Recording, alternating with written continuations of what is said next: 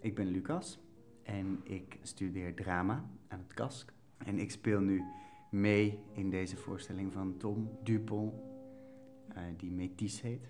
Het is gebaseerd op een, uh, het verhaal van, van een, een vrouw, die ook af en toe hier is. En uh, zij is uh, een, een ik, weet, ik weet niet zo goed, volgens mij is dat dus ook een scheldwoord. Maar ik weet niet zo goed hoe je het, moet noemen. Uh, maar zij is dus geboren uit gemengde ouders. En het gaat een beetje over, over die historie. En hoe dat gegaan is met dat soort kinderen die hier dan terecht zijn gekomen in België.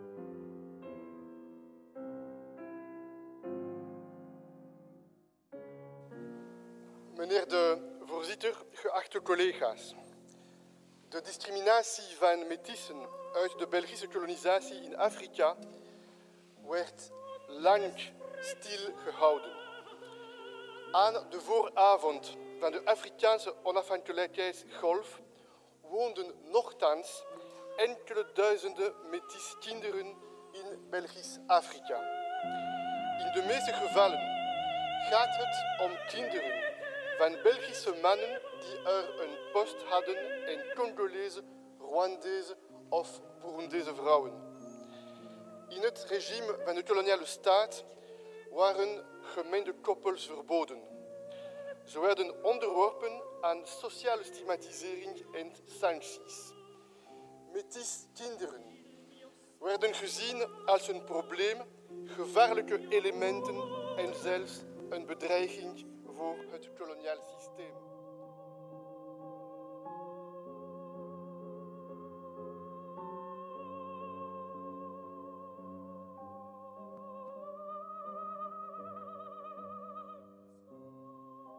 Ik ben Anne en ik ben uh, 51 jaar. Ik woon in Gent. Ik heb twee kinderen. Merel is bijna 19 en Camille is 16. Ik ben van gemengde afkomst. Mijn vader is Ghanese en mijn moeder is uh, Belgisch. Dus um, vier jaar geleden ben ik naar Tom gestapt om... Ja, ik vond toen het theater nog veel te wit, zowel op de scène als in de zaal. En ik, ik stelde hem voor om iets te doen rond tussen grote aanhalingstekens racisme. De allereerste keer, herinner ik me nog zeer goed. Ik heb drie uur aan één stuk gepraat. En dus was eigenlijk mijn uh, persoonlijk verhaal, want Tom kan zeer goed luisteren en peuteren en doorvragen. en uh, dus zo zijn we eigenlijk terechtgekomen bij het verhaal van mijn moeder.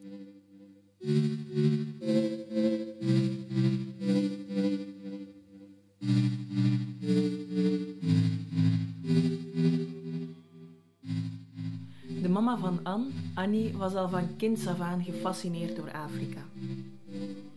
En ze studeerde voor leerkracht en ging een cursus Frans volgen in Parijs. Daar ontmoette ze Joseph. Of wel gewoon Kofi. Ze schreven brieven en werden verliefd. Avond kwam van het een het ander en de passie laaide op. Waarna Annie als prille twintiger in 1968 zwanger was en alleen beviel in een huis voor ongehuwde vrouwen. Je eigen kind doodzwijgen.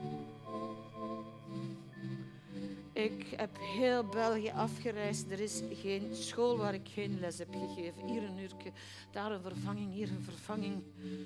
Als ze zouden te weten komen dat ik een ongetrouwde moeder was van een zwart kind, dan kon ik gaan. Ik, ik ben bevallen alleen. Ik niks. Ik niks. Het enige dat ik naartoe kon, dat was Congo. Allee, kom. Stopt ze in de broes, daar valt ze niet zo op. Toen ik geboren was, was zij eigenlijk zo'n beetje wel de, de schaamte van de familie. En de, ja, zat zij daar in een, in een dorp. En bij toeval kwam de priester langs, priester van de parochie, met de melding dat er een plaats was in Congo om les te geven. En dus toen ik zes maand was, denk ik, zijn we vertrokken naar Congo voor twee jaar. En daar heeft ze twee jaar gewerkt. Dus dat was in uh, 68 tot 70 zijn we daar gebleven. Na Congo keren moeder en dochter terug naar België, waar Anne de rest van haar jeugd doorbrengt. Anne probeert contact te houden met haar vader via brieven, maar in haar twintiger jaren is ze nieuwsgierig naar wie haar vader echt is, wie zij zelf is. Dus zoekt ze hem op als ze 24 is. Ze blijft drie weken en ze praten veel.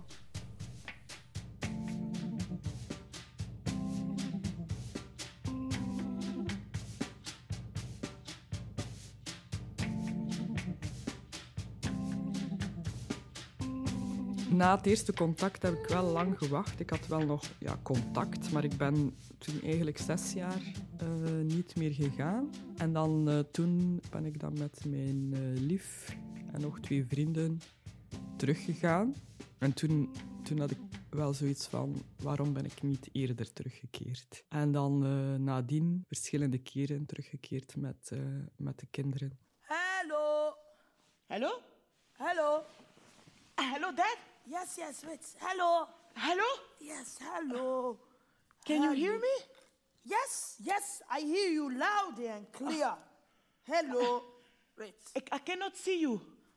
Hello? Oh. oh. hello. How are you feeling? I'm listening to Beethoven. The CDs you sent me. Did you know that his father was an alcoholic just like my father? He used to wake him up in the middle of the night to let him play the piano. they say Beethoven was half black. Beethoven, half black. Yes. Do you want to speak to mom? Oh, yes, please. Nee, nee, nee, nee, mij niet filmen en zeg, ik zie er niet uit. Yes, please. No, no. Hello? Krista, I'm so happy to see you. Isaac, you. Hello, you look beautiful. Boah. No, it's true. You haven't changed a bit. Wow. You are a liar. No, it's true. Huh? You, have, you, you look gorgeous. Thank you, Isaac. Oh, thank you. Ja, dus um, vier jaar geleden, um, toen mijn zoon 12 was, toen uh, had hij een moeilijke periode en um, die begon zich heel erg bewust te worden van zijn huidskleur. En die had er ook last van. Voor mijn moederhart was dat bijzonder heftig en ik had eigenlijk nooit gedacht dat uh, tegen de tijd dat ik kinderen zou hebben, dat zij nog geconfronteerd zouden worden met zoiets als huidskleur. Dus dat je huidskleur een rol speelt. Dus dat was ook ja, voor mij schokkend, omdat ik het niet had verwacht dat het nog gewoon ja, dat het nog een issue zou zijn. Dus dat was voor mij echt zeer uh, frappant. Weet je wat haar probleem is? Ze haat zichzelf. Maar zij haat zichzelf niet. Zij, zij voelt zich goed. Ze is overgevoelig Ze haat geworden. zichzelf wel. Ik haat mezelf. Ik schaam mij. Maar nooit over mijn witte kant, hoor. Nee. Altijd over mijn zwarte kant. Let me tell you something you already know. We stappen op de bus. Ik ga zitten. En de mensen verzetten zich. Ik ga op een restaurant. Ze sturen me naar de keuken. Ik vind eindelijk een keer een appartement om te huren. Sorry, net, net iemand anders gevonden. Ik vind een job. Juist hetzelfde. Sorry, net iemand anders gevonden.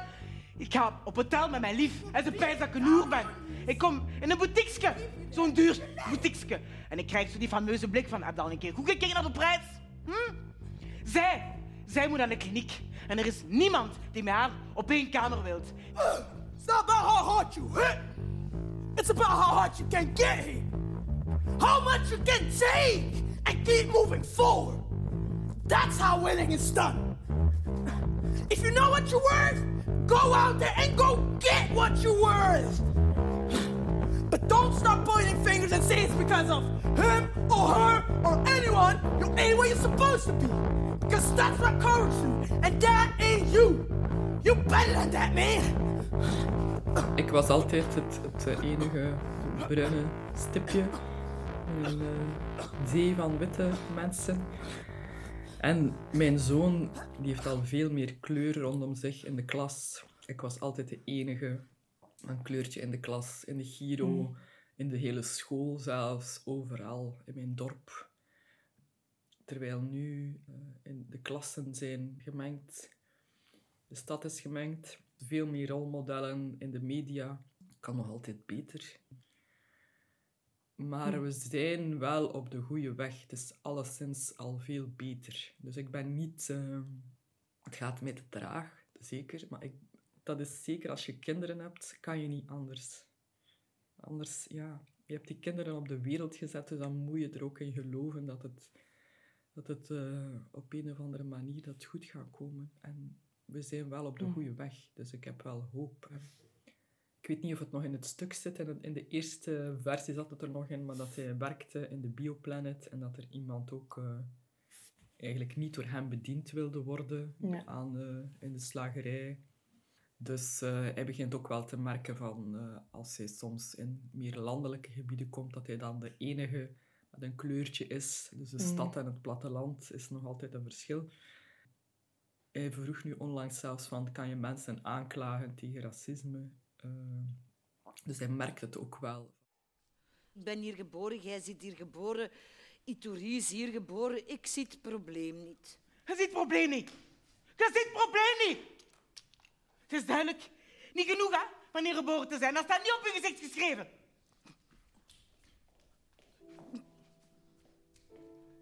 Dat voelt zich al goed, hè. In ons land. Spreekt al goed Nederlands. Het is intelligent voor een zwartje. Speelt goed tam-tam. Zijn ik hier in het Afrikaans? Allee, zijn ik hier in het Afrikaans? Of doe ik hier een dansje? Hm? Ken er niemand van uw familie die kan komen kuisen bij ons? Het is omdat ze hier geboren is, hè? Dat ze het allemaal zeggen. Hé, Toon ik hier uw paspoort. Toon. Tientje, oud op, oud op. Had een vakantiejob in de Bioplanet. En een koppelke kwam vlees bestellen, maar niet aan haar. Nee, nee. Want Iturietje mocht niet naar vieze builen, zwarte handen aan hun reet komen. Ze hadden dat vergeten misschien. Hoe dat ze schuddend en bevend van de woede naar huis is gekomen. Jij maakt uw eigen iets wijs. Vorige, niet deze zomer, maar de zomer ervoor in Oostende had ik een paar ja, incidentjes eh, van een, eh, ja, een mevrouw die op de tram eh, begon van ja, het is maar met die vreemde dat je last hebt, terwijl ik niks had gedaan. Dan ook zo, ik was met mijn moeder aan het strand. Ik kwam uit de zee na het zwemmen en mijn moeder hoort een koppel tegen elkaar zeggen... Maar die heeft wel heel lang in de zon gelegen. En haar raakte dat ook. Eh, voor haar was dat zoiets van... Heb je dat nu nog nooit gezien? Of in welke wereld leven jullie? Eh, komen jullie nooit buiten? Dus ook, eh, maar het was vooral de manier waarop. Dus ja, het feit dat mensen toch het nog nodig vinden om, om die schampere opmerkingen te maken... Of al dan niet in je gezicht...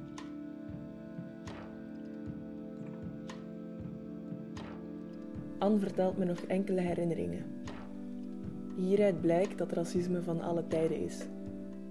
Maar mij valt ook op hoe onverzettelijk haar moeder altijd was.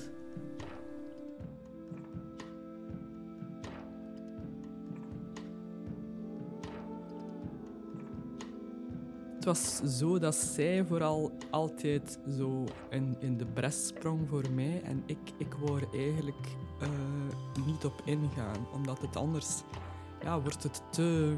Je wil, als je jong bent, wil je gewoon je amuseren. En je wil niet bezig zijn met die negativiteit. Dus ik zei dan vaak van... eh, dus als iemand zei van, ah, neger of negerin, of dan zou mijn moeder stoppen op de fiets en van, heb je dat nog nooit gezien en dit en dat? En dan ik dan zei, kom, moeder, als ik een kot ging zoeken, was ik 18 en zij ging mee. Dus we belden aan en er kwam een vrouw, of zij deed open, boven, uit het venster en die zei, ja, ik verhuur niet aan vreemden. En dan begon mijn moeder direct van, mam, mevrouw, en dat is mijn dochter en ze komt uit mijn buik. En ik had dan zoiets, kom aan, we zijn weg. En dan bij zo iemand wil je gewoon ook niet, allee, daar wil je ook niet mee omgaan.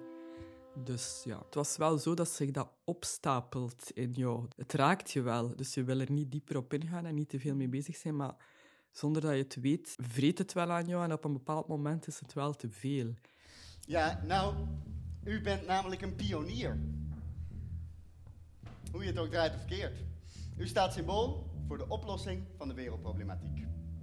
Als iedereen zoals u een kind zou verwekken met iemand van een andere etnie, dan zouden alle oorlogen en ongelijkheid vanzelf verdwijnen. Ja, ik zeg dat ook tegen mijn moeder, van ja, je was echt een... eh, was echt je tijd, je tijd vooruit. En, en eh, ja, ze zegt dan, ja, ik, ik vond dat ook. En dat, is, dat zijn eigenlijk wereldverbeteraars. Dat zegt mijn, mijn lief dan, van ja, mensen zoals jouw moeder, dat zijn wereldverbeteraars. Die, gaan, die kiezen echt voor de liefde. In eerste instantie koos ze voor de liefde. Ze koos niet voor een kleur. En daar ben ik dan het product van. En eh, ja, kijk naar de persoon en, en zie wat er gebeurt. En fixeer je niet op een kleur of een ras of een weet ik veel.